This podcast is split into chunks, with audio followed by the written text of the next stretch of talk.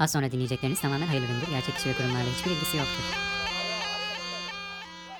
Az önce sepetinin içinde uyuyordu. Bagacısının dürtüklemesiyle dikili verdi öfkeyle. Saldırı pozisyonunda kobra dansı başladı. Merhaba arkadaşlar ben Kobra 1. Ben Kobra 2. Gündemi zehirlemeye Hak edeni sokmaya geldik.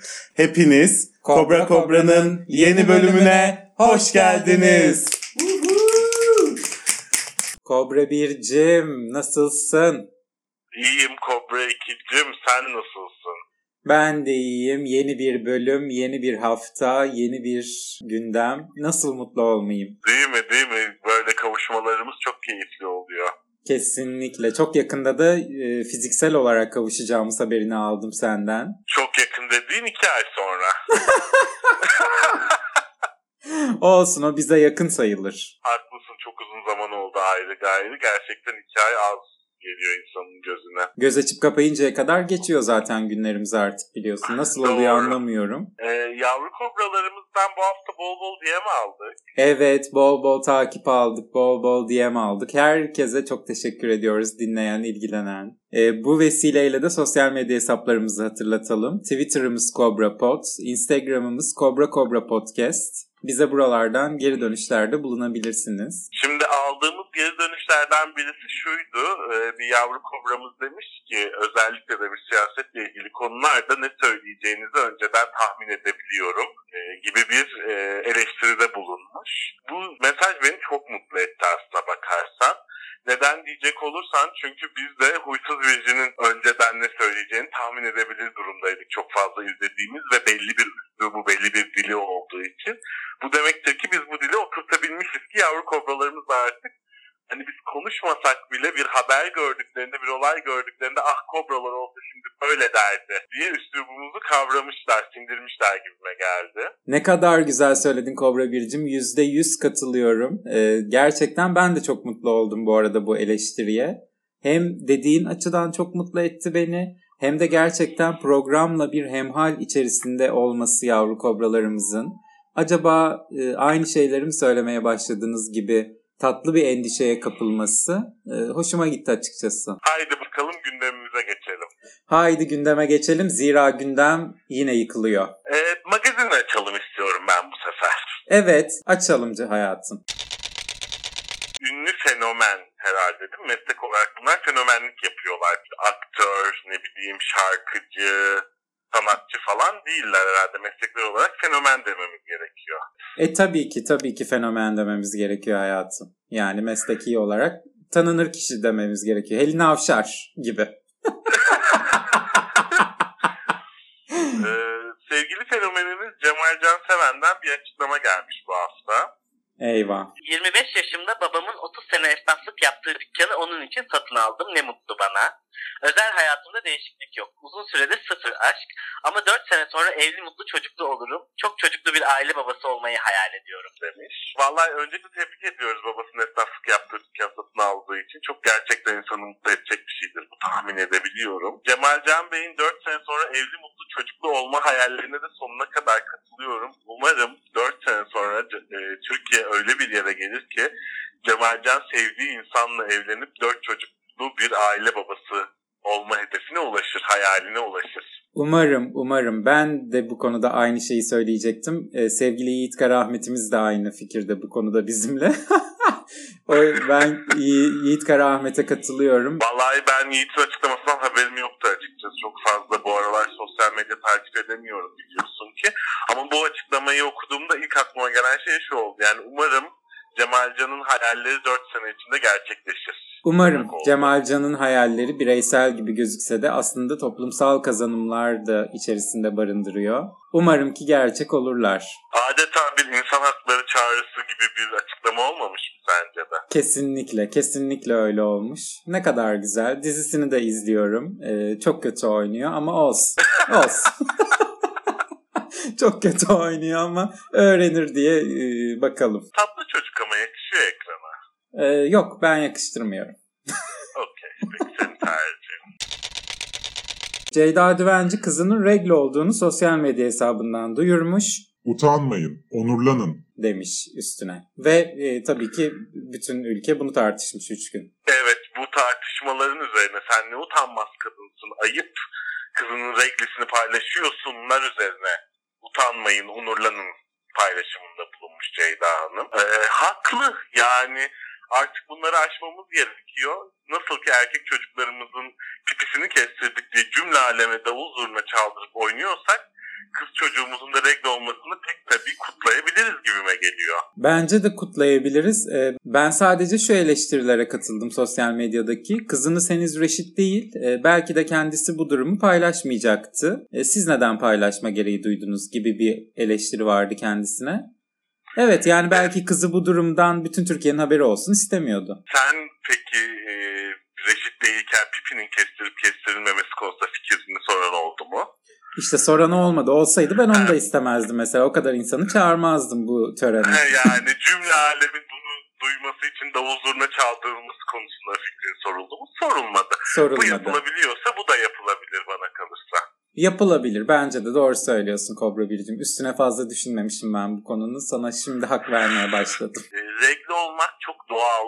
Anlatabiliyor muyum? Yani Tabii canım. sürecinde sürecinde var olan ve yani herhangi bir biyolojik sıkıntısı olmayan bütün kadınların yaşadığı bir şey. Evet. Sünnet bunun yanında çok daha başka bir şey. Yani tamamen bir adet üzerine kurulu bir şey yani anlatabiliyor muyum? Bence regleyi kutlamak, sünneti kutlamaktan çok daha akıllıca bir şey hatta. Yüzde yüz katılıyorum. Yüzde yüz katılıyorum. Ceyda Hanım'ı tebrik etmek istiyorum ben gerçekten. Ben de buradan Ceyda Hanım'ı tebrik ediyorum. E, bu konuda da kat edilmesi gereken çok uzun yollar olduğunu düşünüyorum. Gazete kağıdına sarılı petlerin satılması gibi korkunç olaylar her gün yaşanıyor. E, kat edilmesi gereken yollardan biri de bana kalırsa e, bu tarz hijyenik ürünlerin işte pettir, tampondur gibi ürünlerin parayla satılmaması gerektiği. Kesinlikle. Yani çünkü dediğimiz gibi bütün kadınlar üreme faaliyetlerinin devam ettiği dönemde bu ürünleri kullanmak mecburiyetindeler. Ve ben bana kalırsa bu tarz ürünler insan hakkı. Yani anlatabiliyor muyum? Devletin bunları bedavaya karşılaması gerekiyor. Bırak gazete kağıdına sarılı, e, gizli saklı bilmem ne satmayı etmeyi.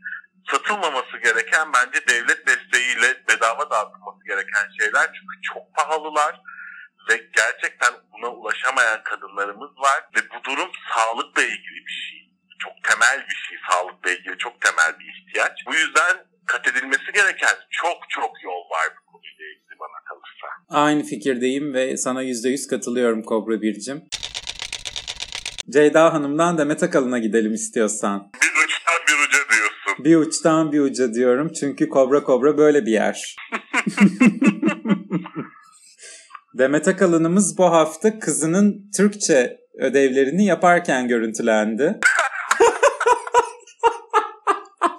Daha doğrusu yapmaya çalışırken demeliyiz. Kendisi birleşik kelimelerin hecelenmesiyle ilgili bir isyanda bulundu. Evet, baş öğretmen Evet. kelimesinin hecelenmesinin yanlış olduğunu savundu. E, yan, yanlıştı da bu arada videoda. Yumuşak G ile R'yi ayrı bir hece olarak kabul etmişler. Evet kızının yaptığı yanlıştı canım. Yok kitaptakine de yanlış diyor ya o. Bu böyle mi öğret- diyor. ilk öğretime. İstersen yavru kobralarımıza buradan hatırlatalım. Birleşik kelimelerde sessiz harf ile biten bir sözcükten sonra yanına sesli harf ile başlayan bir sözcük gelirse bu iki sözcük bitişikmiş gibi okunur.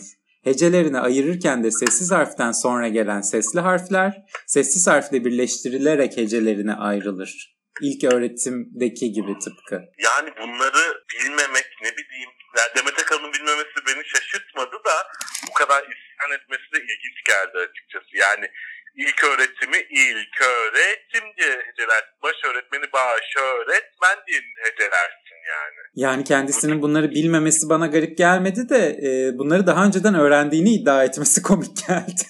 evet farklı türlüsünü öğrendiğini ve şimdi değiştirildiğini iddia etmesi bana da ilginç geldi. Halbuki farklı türlüsünü de öğrendiğini hiç kanıtlar nitelikte hareketler göstermiyordu daha öncesinde biliyorsun. bir de diyor ya ben ben yapsam diyor topa tutardınız beni diyor. Alıştık kimse bir şey demiyor ki artık bu konuyla ilgili konuşmayı bıraktık. Öyle. Demet Hanım kıymetli dilimizle ilgili yaptığı müthiş açıklamalardan sonra komşulukla ilgili de fikirlerini beyan etme gereği duymuş bu hafta. Evet. Lütfen seslendirir misin kendisinin isyanını? Ee, kendi sunduğu sabah programında komşu komşusu olan Caner Erkin ve Şükran Ovalı çiftine tepki olarak Uzun süredir yan komşum olmalarına rağmen bugüne kadar beni bir kez olsun kahveye bile çağırmadılar demiş. Ya yazıklar olsun Caner Erkin ve Şükran Ovalı. yazıklar olsun bu pandemide bir Demet Akalın mı fazla geldi size bir kahveye çağıramadı. Gerçekten komşuluk öldü mü diye sorardık ya yıllardır. Ölmüş işte. Ölmüş evet onu görmüş oluyoruz. Demet Akalın yan komşu olsa kahveye çağırır mıydın? Gerçekten so ciddi soruyorum gülme. Ee, açıkçası çağırmazdım biliyor musun? Sen çağırır mıydın peki? Sen çağırırdın çünkü beni- sen hümanist bir insansın. Evet o da beni karşısında belki bir kebap yemeye mebap yemeye götürürdü ya. Evet doğru. Bak doğru söylüyorsun. E, bu işler karşılıklı hayatım. Evet Hadi magazini eğlendik. bitirelim. Son haberini magazinini okuyorum ben. Mutluluk Köyümüzün muhtarı Abdurrahman Dilipak koronavirüs aşılamasının durdurulması için Noel Baba Derneği Başkanı ile birlikte mahkemeye başvurmuş. Harika bir haber. Harika. Harika gerçekten. Ee, Mutluluk Köyü'nde anladığım kadarıyla işler yolunda. Mutluluk Köyü'nde işler yolunda gibi gözüküyor. Abdurrahman Bey yeterince mutlu diyorsun yani. Abdurrahman Bey yeterince mutlu. Ee, bize başka dünyalardan sesleniyor diyorum hatta. Aşı karşıtlığı ile ilgili çok acayip bir şey gördüm geçen gün. Ee, aşı olduğun yere çiğ patates koyduğun zaman aşıyı emiyormuş, aşı olmamış gibi oluyormuşsun. Kayıtlara aşı olmuş gibi geçirilip aşı olmama ihtimalim varmış bu sayede diye. Yani bir kandırmadığımız, bir üçkağıt çevirmediğimiz aşı vardı. Onu da öğrenmişiz, çözmüşüz. Tebrik ediyorum gerçekten bizi. TÜBİTAK projesi gibi bir açıklama değil mi sence de? Aşının üstüne çiğ patates. Ay, gerçekten desteklenmesi gereken bir proje ne diyeyim. Yani TÜBİTAK'a verseler bunu TÜBİTAK birincilik ödülünü verirdi buna. Verirdi. Verirdi bu arada. Net verirdi. Ve e, hak eden de bir uygulama. Ama Abdurrahman Dilipak ve Noel Baba Derneği Başkanı e, ne yapıyorlar? Ne yaşıyorlar? Çok merak ettim açıkçası. Ne var bu torbanın üstünde diyorsun. ne var bu Noel Baba'nın torbasının içinde hakikaten? Çok enteresan. Çok enteresan açıklamalar bunlar. Ee, onları rahatsız etmeyelim. Onları rahatsız etmeden bu konudan uzaklaşalım. Biliyorsun geçen hafta kavimler göçünden haber vermiştin bizlere. Sosyal medyada yaşanan. Ee, BIP'ten çok başvuru. 4 milyon yeni kullanıcı katılan BIP yeni bir başvuru yapmış. BIP üzerinden yapılan yazışmalarda kullanıcıların duygu durumlarının belirlenmesi ve telekom verisinin analiziyle kullanıcıların psikolojik durumlarının belirlenmesi için patent başvurusunda bulunmuş. Bunu haber yapan, bunu ortaya çıkaran Uçan Kuş TV'nin de BIP hesabını kapatmış.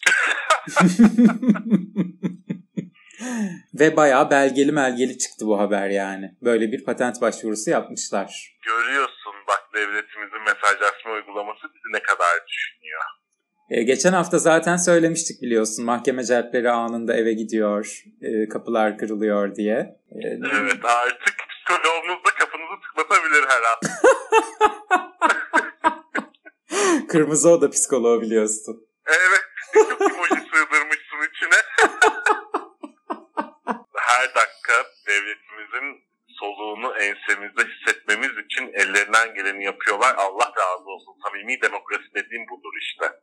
Devlet senin suç işleyip işlemediğinden psikolojik durumuna kadar her saniye her şeyinden haberdar olur devlet dediğim budur. Samimi demokrasi gerçekten budur. Hem samimi hem ileri olunca da işte tadından yenmiyor. Evet bir mesajlaşma uygulamasından bile psikolojik duygu durumumuz, her şeyimiz devletimizin kontrolü altında hamdolsun.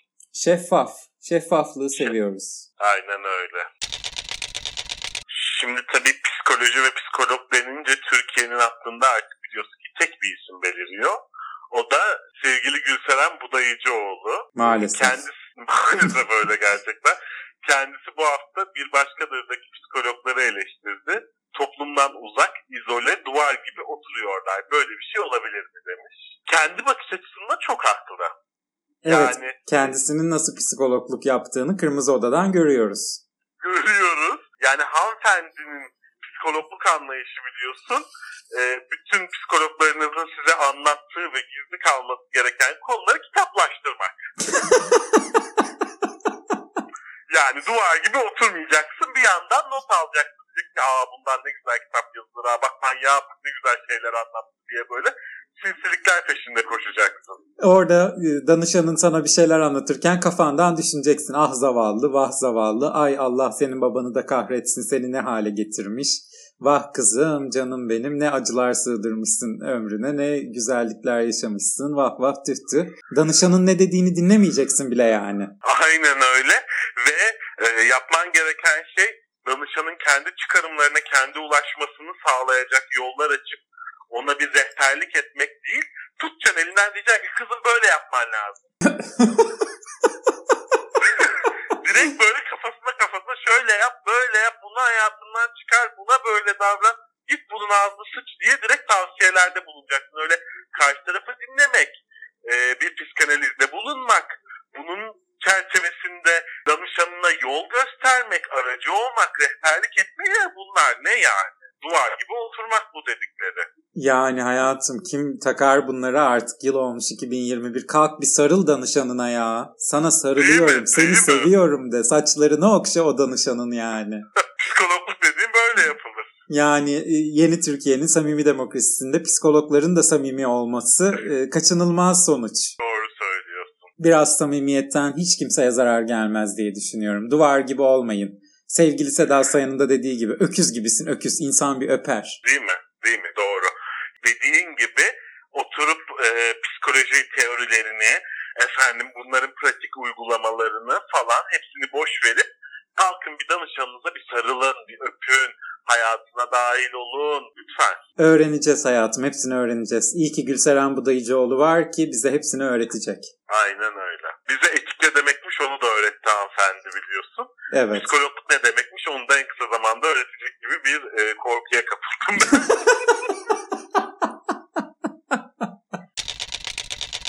E biliyorsun ki temsilci atamayan Twitter, Periscope ve Pinterest'te reklam yasağı geldi ve bu karar resmi gazetede yayınlandı. Evet evet hak ettiler. Bunu hak ettiler. O kadar cezadan sonra biliyorsun Mart ayında da %95 bant genişliği düşürülecek. Kullanılmaz hale gelecekler Mart ayından sonra. Beter olsunlar. Beter olsunlar ama yine de yavru kobralarımız bizi takip etmeye devam etsinler. O %5 bant genişliğiyle bile olsa.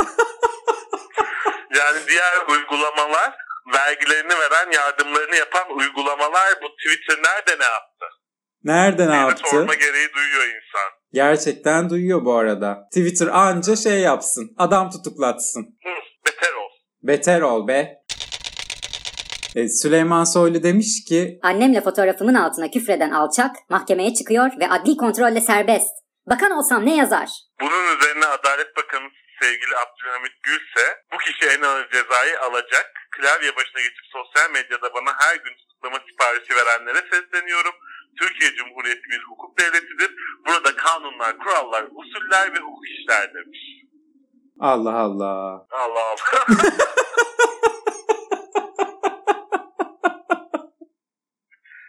Artık Adalet Bakanımız Abdülhamit Gül e, Twitter savcılığını kapatmak, Twitter'ın üzerinden savcılık nosyonunu almak üzerine bir e, beyanda bulunmuş gibime geliyor. E zaten istediğine ulaşacak yani şunun şurasında Mart dediğine ne var? E doğru. Ama bu biraz çelişkili bir şey değil mi? Adalet Bakanı diyor ki tutuklama siparişi verilen yer değildir diyor. E ama İçişleri Bakanımız Sayın Soylu bir dönem biliyorsun ki hatırlıyorsun ki çok yakın geçmişte Twitter'dan istifa etti. Evet. Aynı şekilde Ekonomi Bakanı Berat Albayrak Instagram'dan istifa etti. Uygulamaları bu nosyonları sadece vatandaş değil bakmayanlarımız da yüklüyor gibi bir his var içimde sanki. E, bakmayanlarımız da vatandaşlarımız kadar önemli hale getiriyorlar aslında bu uygulamaları. Ve klavye başına geçip sosyal medyada bana her gün tutuklama siparişi verenlere sesleniyorum diyor. E ne yapsın insanlar? Abdülhamit Gül sonra da diyor ki Yargının eksik yanlış kararı yok mu? Elbette vardır. Bu nasıl karar dediğim yüzlerce karar sayabilirim. Keşke beyefendinin adalet sistemiyle ilgili bir şeyleri değiştirebilecek güçte ve pozisyonda bir görevi olsaydı. Keşke, keşke. Gerçekten hep herkesten önce kendisi isterdi diye düşünüyorum bunu. Bakanımızın şöyle de bir açıklaması şöyle de devam ediyor. Kararları beğenmesek de uygulamakla yükümlüyüz diyor. Evet. Yani Enis Berberoğlu kararına da değiniyor Anayasa Mahkemesi'nin verdiği. Yani Sayın Bakanımız biraz yerli ve milli gömleğinden böyle ufak ufak e, sanki böyle omzunu açmış, yani çıkarmış değil de böyle bir hani böyle bir kolunu sıyırmış falan gibi görünüyor sakın ha. Sakın ha. Zaten bu hafta dikkatini çekti mi senin bilmiyorum ama bu yerli ve milli gömlekler herkese biraz dar geldi. Gerçekten öyle. Niye öyle oldu bu hafta? Bu hafta bilmiyorum ama yerli ve milli gömleğinden başka kıyafet görmediğimiz kimselere bile bu hafta fazla geldi o gömlek. Anlamadım. Başka bir bakmayana gidelim. Sayın Sağlık Bakanımız Koca sağlık çalışanlarının hakkını ödemek mümkün değil. Onlara büyük bir teşekkür borçluyuz. 2021 onların yılıdır diye bir açıklama yapmış. Ee, Sağlık Bakanı'na bir haberim var. Sağlık Bakanı burada herhalde sağlık çalışanlarına kötü bir haber vermeye çalışmış. Sağlık çalışanları özlük haklarını ödemek mümkün değil gibi bir çıkarımda bulundum ben. Oysa ki kendisine bir haberimiz var. Sağlık çalışanlarının haklarını ödemek mümkün. E, para diye bir şey var. Bilmiyorum kendisi haberdar mı? vergi diye bir şey var. Her her gün neredeyse toplanıyor ve devletin kasasına gidiyor. Buradan sağlık çalışanlarının hakkını ödemek istiyorsa Sağlık Bakanımız bütün sağlık çalışanlarının özlük haklarıyla ilgili bir girişimde bulunabilir. Keşke, bak keşke Sayın Bakan Koca da sağlıkla ilgili, sağlık çalışanlarıyla ilgili bir şeyler yapabilecek, bir şeyleri değiştirebilecek güce ve yetkiye sahip olabilseydi. Neler yapardı yani. Neler yapardı hayal bile edemiyorum biliyor musun? Keşke onlara söz verdiği ödemeyi yapabilecek güçte olsaydı. Keşke. E, bu ödemelerle ilgili yerli ve milliliğiyle biliyorsun nam salmış, e, yedi cihana mal olmuş GİT'in haber müdürü sağlıkçıların özlük hakları talebine rüşvetçilik dedi ve bunu bir 5-6 kere daha tekrar ediyor yayında. Bu diyor rüşvet istemektir diyor. Sen bunu vermezsen ben bu işi yapmam demektir diyor. Bu düpedüz rüşvet istemektir diyor. Yani bunu birazcık şey gibi görüyorum ben. Kişi kendinden bilir işi Gibi. gibi. Ayrıca ben de buradan muhalif biçme makinamızı da göreve çağırıyorum. muhalif biçme makinemiz görevini yeterince yapıyor. Yerli ve milli bir yayın organı olduğu için ona asla dokunulmaz biliyorsun ki. Adı Doğru. üstünde muhalif. Doğru. Söyledin. Ben bu bu konuşmayı komple geri alıyorum. Özür dilerim ben sevgili rütüğümüzden. Özür dilerim. Özür dilerim. Milyonların önünde özür dilerim. O zaman buradan yine başka bir bakmayana geçelim mi? Hadi geçelim. Kültür ve Turizm Bakanlığı kaç kültür sanat emekçisi işini kaybetti sorusuna bilgimiz yok yanıtını verdi. Keşke Kültür ve Turizm Bakanlığı kültür ve sanat emekçileriyle ilgili yetki. Bunu da demeyeceğim artık yani. Aa, Aa, olmaz günler gerçekten. akıl almaz günler. Bütün bakanlarımızda böyle bir boş vermişlik, böyle bir kafa çevirme. Artık bakmıyorum durumu. Niye böyle olduk? Bir şey söyleyeceğim hep böyleydi. YGS'de şifre skandalı patladığında Nimet Çubukçu'ya sordular. Milli Eğitim Bakanı'ydı o dönemde. Benim konuyla ilgili bir bilgim yok. Konuyla ilgili yetkili de değilim gibi bir açıklama yaptı. Sonra Tarım Bakanlığı açıklama yaptı. YGS sınavı ile ilgili. İşte kim bir işin ucundan tutarsa, kim nereye bakarsa hayatım. Evet, evet gerçekten öyle. Ee, Kültür ve Turizm Bakanlığı bu aralar biraz yoğun biliyorsun ki onları böyle meselelerle kültür sanat emekçisiymiş bilmem neymiş. Onları bunlarla meşgul etmemek gerekiyor. Mart'ta turizm sezonunu açmayı planlıyoruz. Onlar şu anda sadece bu konuya kanalizeler. Ee, o yüzden ben böyle manasız soruların sorulmasını da onlara desteklemiyorum zaten. Bence de öyle yani Kül- Kültür ve Turizm Bakanlığı'nın Türkiye vatandaşı, Türkiye vatandaşı turizm emekçilerindense, kültür emekçilerindense yurt dışından gelecek turistlere daha fazla önem vermesi gerekiyor zaten ki gereğini yapıyor Kültür ve Turizm Bakanlığı da bu konuyla ilgili. Kesinlikle katılıyorum. Sordun mu Kültür ve Turizm Bakanlığı'na kaç tane otelimiz var, kaç kişiyi ağırlayacağız bu sene, beklentiniz nedir, kaç para kazanacağız? Sor bakalım bunları nasıl cevap veriyor, bilgisi var mı yok mu görürsün o zaman. Aynen öyle. Deyip buradan iktidarın yavru ortağına geçiş yapalım mı ufaktan? Geçiş yapalım. Ee, aynı zamanda haftanın tek cümlelik fıkrası bu biliyorsun. Evet, evet. MHP'li Semih Yalçın, Ülkücü gençler artık sokaklarda değiller. O durum 80 öncesinde kaldı. Ülke ocakları kültür ve irfan ocakları oldu. Entelektüel merkezler oldu artık. gibi bir açıklamada bulunmuş.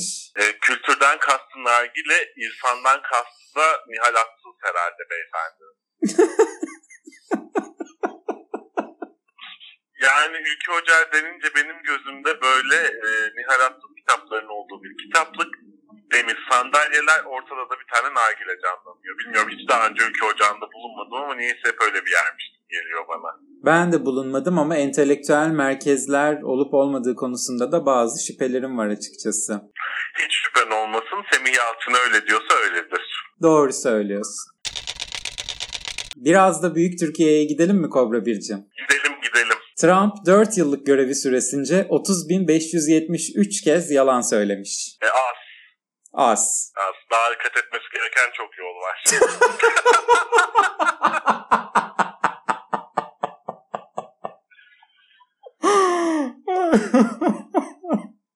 Ay çok iyiydi bu. Gerçekten öyle. Gerçekten öyle. Katılmamak elde değil sana. Buyur. Buyur. Yani o kadar söyleyeceğim bu kadar. Daha 40 fırın ekmek yemesi lazım yani. 30 bin az geldi. Bana da az geldi. Bana da az geldi. 30 bin tanesini biz bir ayda duyuyoruz yani. Arkadaşlarımızdan, eşimizden, dostumuzdan tabii ki bir Tabii yanlış canım. anlaşılmaya mahal vermeyelim. asla asla lütfen. Çünkü bak görüyorsun ki bizim bakanlarımız, yöneticilerimiz samimi. Yani samimi demokrasi derken altı boş değil. Bu konuyla ilgili bilginiz var mı? Yok. Adalet Bakanı diyor ki keşke böyle tutuklamalar yaşanmasa. Turizm Bakanı diyor ki benim emekçilerden haberim yok. Deprem Bakanı diyor ki enkaz altında kalıp da iş çıkarmayın. Sağlık Bakanı diyor ki haklarını nasıl ödeyeceğim bilmiyorum. Daha samimi, daha dürüst, daha doğru e, yok. Zaten yalan söylemeye ihtiyaçları yok. Çok, çok doğru söylüyorsun. Gerçekten sadece doğruları söylüyorlar son zamanlarda. Tebrik ediyorum kendilerini. Ben de tebrik ediyorum. Böyle bir halk varken yanlarında yalan söylemek çok ayıp olur zaten. Eskişehir Orhan Gazi Üniversitesi Hukuk Fakültesi'nde açılan bir kişilik kadroya 10 kişi arasından İrem Arslantaş seçilmiş. Tebrik ediyoruz kendisini. Tebrik ediyoruz kendisini. Bu durum böyle bir an okuduğumda beni şaşırttı. Aa ne güzel 10 kişilik e, başvuru arasında bir kadın tercih edilmiş. Ne kadar güzel pozitif ayrımcı bir tavır derken sonrasında ki cümle bütün şaşkınlığımı aldı götürdü. Çünkü bahsi geçen hanımefendi rektör yardımcısı Ali Aslantaş'ın kızıymış. Aa.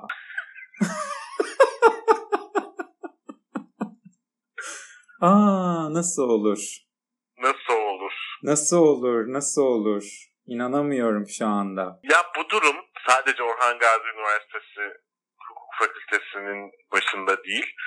Bu durum Türkiye'deki bütün üniversitelerin bütün fakültelerinde var olan bir durum. Yani benim okuduğum üniversitede e, en basitinden benim okuduğum fakültede o onun kuzeni, bu bunun halasının çocuğu, bu bunun teyze kızı, o onun amcası, o onun eniştesinin kayınçosu falan böyle aşiret gibiler. Kürsüler birbirleri arasında kız veriyorlar. Bilmem ne kürsüsü olarak bilmem ne kürsüsünden kız istemeye gittik falan.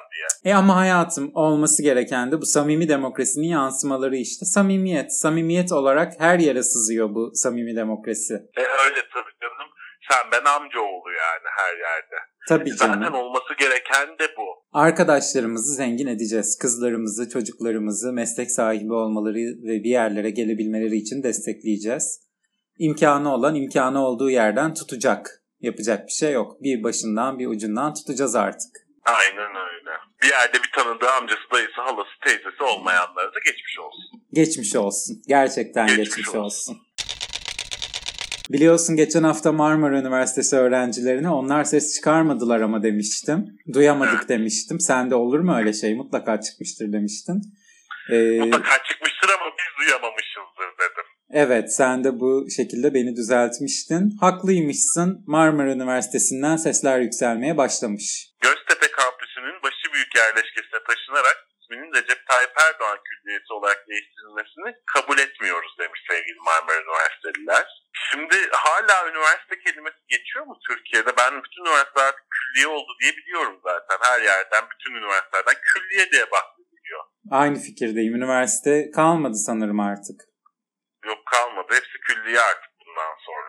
Ve başı büyük yerleşkesine taşınarak isminin Recep Tayyip Erdoğan olması da cuk oturmuş diyorum ben. Ben de cuk oturmuş diyorum. Daha güzel bir yerleşke ve daha güzel bir isim düşünülemezdi. Ben tebrik ediyorum emeği geçenleri. Ben de tebrik etme taraftarıyım. Öğrencilerimize de Cumhurbaşkanımızın yetkilerini sorgulamamalarını tavsiye ediyorum. Yoksa kapınız kırılabilir dikkatli olun. Kesinlikle, kesinlikle öyle. Türkiye Wushu Federasyonu'nun yeni bir skandalı daha ortaya çıktı bu hafta. Başkan Vekili Abdurrahman Akyüz'ün önderliğinde korsan bir Avrupa Federasyonu kurulurken Avrupa Wushu Federasyonu bu oluşumdan dolayı Türkiye'nin üyeliğini de feshetmiş. Yani yapılan müsabakalar da sahteymiş. Avrupa Wushu Federasyonu'nun bu müsabakalardan haberi yokmuş. E, seni bu masonik açıklamalarından dolayı kınıyorum Kobra 2'cim. E, benim tek derdim başörtüsüyle galiba gerçekten. Ay bu açıklamalardan ötürü başörtüsüyle bir sorunum olduğunu ve mason olduğumu çıkarımlıyorum. Ben de öyle çıkarımlıyorum gerçekten. Yazıklar olsun sana. E ama zaten e, ben şunu anlayamadım. Yapılan müsabakaların sahte olmaması için zaten e, akrabaların dışında birilerinin de katılması gerekmiyor muydu? Kızımız zaten tek yarışmacıydı yani. Hem yarışmacı Evet. Ama Avrupa Wushu Federasyonu'na da buradan geçmiş olsun diyorum. Avrupa Wushu Federasyonu'nu da başörtü karşıtı ve masonik tutumundan dolayı yakınıyorum ben. Haklısın, haklısın. Doğrusu da o gibi gözüküyor sanırım. Doğrusu da o gibi gözüküyor. E, Wushu ailesine de geçmiş olsun diyelim o zaman. geçmiş olsun. Hadi o zaman Cumhurbaşkanlığı köşesine yavru kobralarımızın en sevdiği bölümümüze gidelim istiyorum. Cumhurbaşkanımızın da bu hafta ağzını bıçak açmamış. Geçen hafta çok konuştuğu için olabilir bu ama bu haftada geçen hafta gibi gerçekten böyle altı çizilecek bazı cümleleri var. Çok doğru, gerçekten çok doğru cümleleri var. Ben bir kısmından bahsetmek istiyorum müsaaden olursa. Lütfen. Ellerinden kayıp giden tek parti faşizmine hala özlem duyanlar olduğunu biliyoruz. Demiş Sayın Cumhurbaşkanımız. Vallahi doğru söylemiş. Doğru söylemiş. Kim olduklarını da biliyoruz üstelik. Evet. Çünkü Türkiye'de artık tek parti faşizmi değil bir buçuk parti faşizmi mevzu bahis geliyor bana.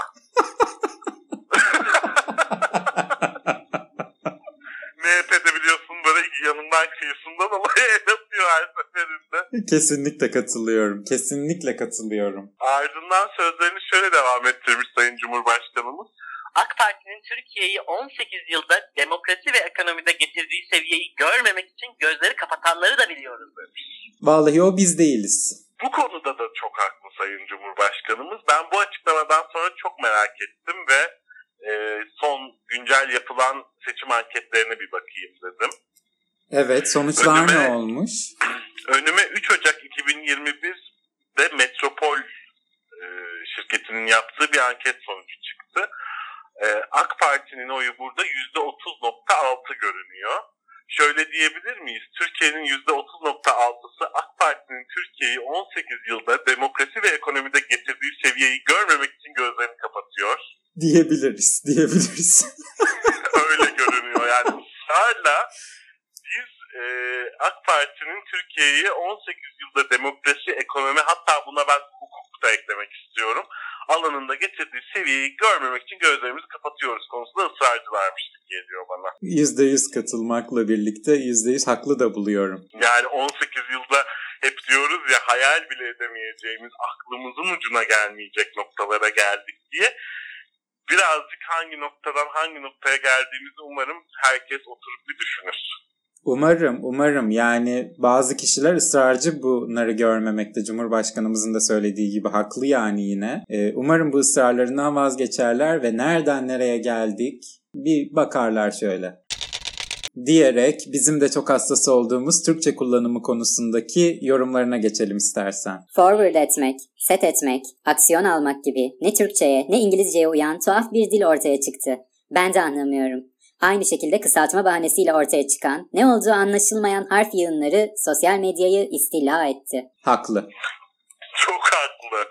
Gerçekten bazen ben de sosyal medyadaki harf yığınlarının ne anlama geldiğini anlamakta çok güçlük çektiğim oluyor. Gerçekten benim de oluyor. Kendisi zaten ben de anlayamıyorum demiş. Yani Doğru o da anlayamıyorsa bizim anlamamız zaten mümkün değil. Mümkün değil.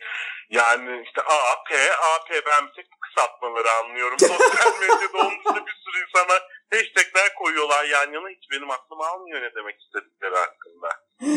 Ee, bu yani set etmek e, bilmem ne bunlar beni de sinir ediyorlar bu arada. Ya İngilizce konuş ya Türkçe konuş yani. Değil mi? Doğru söylüyorsun. Gerçekten uzun yıllardır sinir olduğum bir konu. Plaza dili olarak da adlandırılıyor ya artık bu. Evet, evet.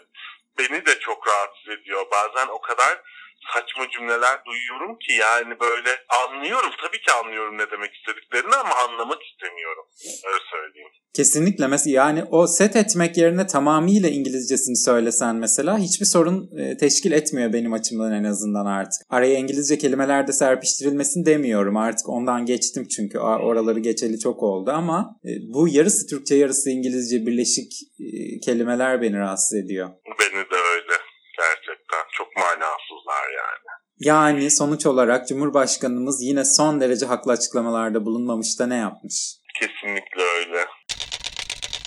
İstersen yavaş yavaş programımızı sonlandıralım Kobra Bircim ne dersin? E, sonlandıralım yeter bu hafta. Bence de yeter. Sosyal medya hesaplarımızı sen hatırlat biterken de istersen. Aman başta hatırlattık yeter. Yeter mi? Yeter. Bak söyleyecek lafı olan nerede nerede arayıp bulup söylüyor efendim. İsteyen istediği şekilde ulaşabilir. Bizler ve gördüğünüz gibi de yazdığınız her şeyi dikkate alıyoruz. Kesinlikle, kesinlikle katılıyorum. Haftaya görüşmek üzere. O zaman hepinizi öpüyoruz. Umarım bu haftadan daha güzel bir hafta geçirirsiniz. Haftaya görüşmek üzere. Görüşürüz. İşleri bitince sakinleşiyorlar. Sonra yeniden sepete. Neyse ki buna razılar. Aksi halde yılanların öcü durumu ortaya çıkardı